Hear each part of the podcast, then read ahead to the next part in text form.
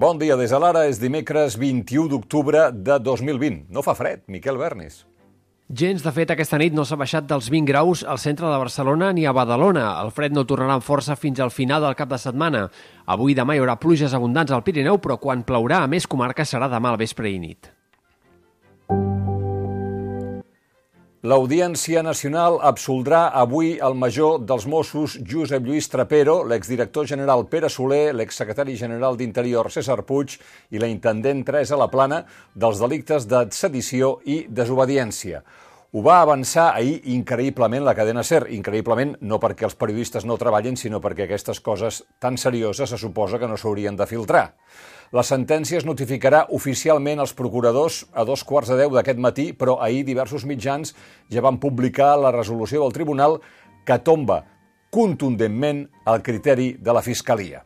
La Fiscalia veia Trapero com un actor imprescindible cap a la independència perquè la suposada passivitat dels Mossos durant el referèndum de l'1 d'octubre permetria que es desenvolupés la votació amb normalitat. La Fiscalia criticava que els Mossos prioritzessin la pau social a l'impediment de la consulta. Però resulta que dos dels tres jutges del tribunal no hi veuen ni sedició ni desobediència i han deixat en minoria la presidenta del tribunal, Concepción Espejel, eh, i han defen que defensava la condemna per sedició.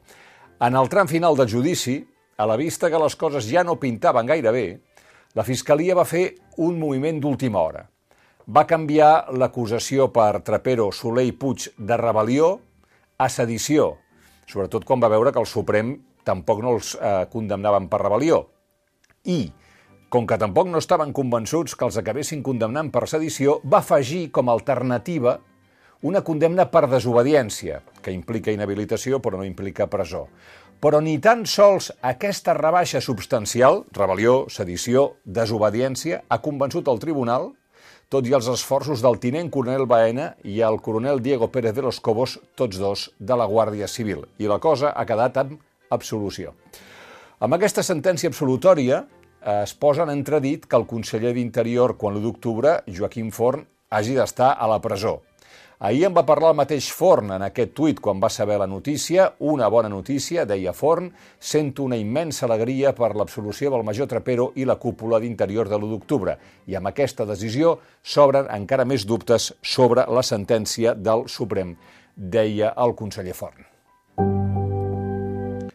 No és l'única notícia de l'àmbit dels tribunals. L'extresorer de Convergència, Daniel Osàcar, ha canviat d'estratègia de defensa després de sentir-se abandonat del partit i d'haver canviat d'advocat, i ara ha decidit que no té res a perdre.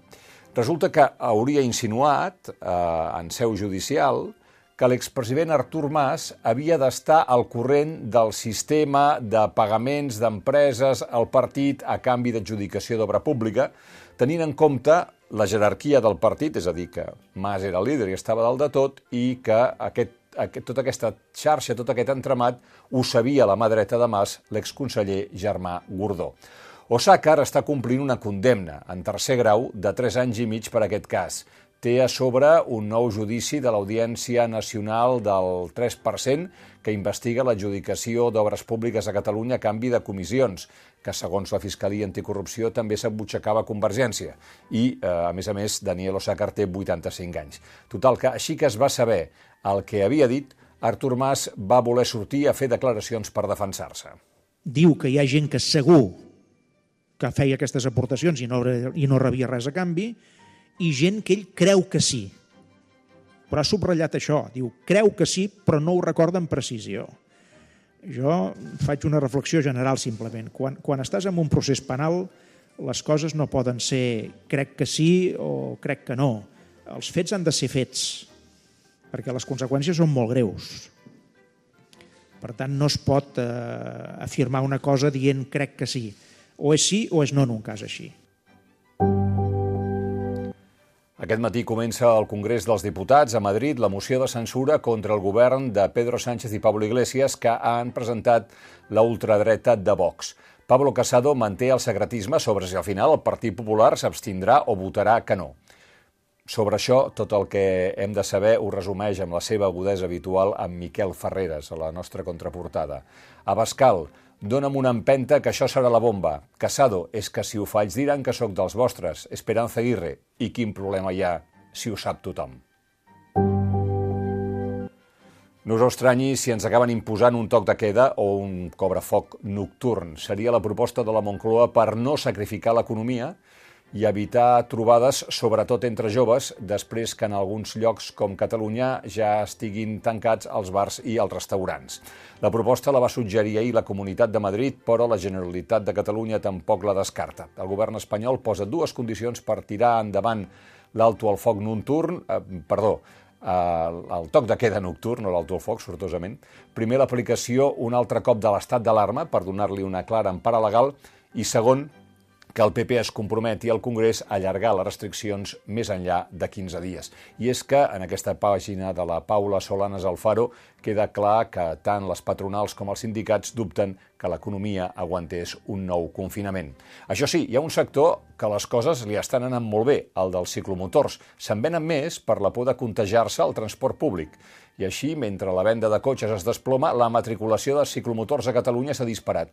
Al nostre país, entre el gener i el setembre, s'han matriculat un 82% més de ciclomotors que en el mateix període de l'any passat. Enmig de tanta tensió, l'alegria que proporciona la cultura. El poeta Enric Casasses va rebre ahir el Premi d'Honor de les Lletres Catalanes que atorga Òmnium Cultural en un acte al Palau de la Música. No us en perdeu la crònica del Jordi Nopca, que recull les paraules finals del guardonat. Va dir que se sentia com un nen que deixen seure a la taula dels grans i va recordar que la llengua catalana ja és independent. Va afegir, només falta un tràmit burocràtic que ho representi. Alegries també a Can Barça. Va debutar a la Champions d'aquesta temporada amb golejada. 5 a 1 al Ferenbaros hongarès, gols de Messi, Ansu Fati, Coutinho, Pedri i Dembélé. Diu Antoni Padilla que va ser una golejada estranya, amb un ritme tan baix que per moments no semblava un partit oficial. L'alegria la van posar els joves que no tenen temps per plorar pensant en Lisboa, ja que tenen molta pressa per construir-se un futur. Piqué va ser expulsat per fer un penal contra l'últim defensor i no podrà jugar, jugar contra la Juventus a Turí dimecres de la setmana que ve. I el Joventut va guanyar ahir a l'Humana Reyer de Venècia per 92 a 78 eh, i es manté invicta en una Eurocup en què ja acumula quatre victòries. El major Trapero absol i també la cúpula dels Mossos que seia amb ell a la banqueta de l'Audiència Nacional. La sentència no és ferma, ara d'anar al Suprem. Trapero ja ha dit que no vol tornar al capdamunt dels Mossos. Ja ho veurem. Uh, fins aquí les claus del dia. Que tinguem un bon dimecres.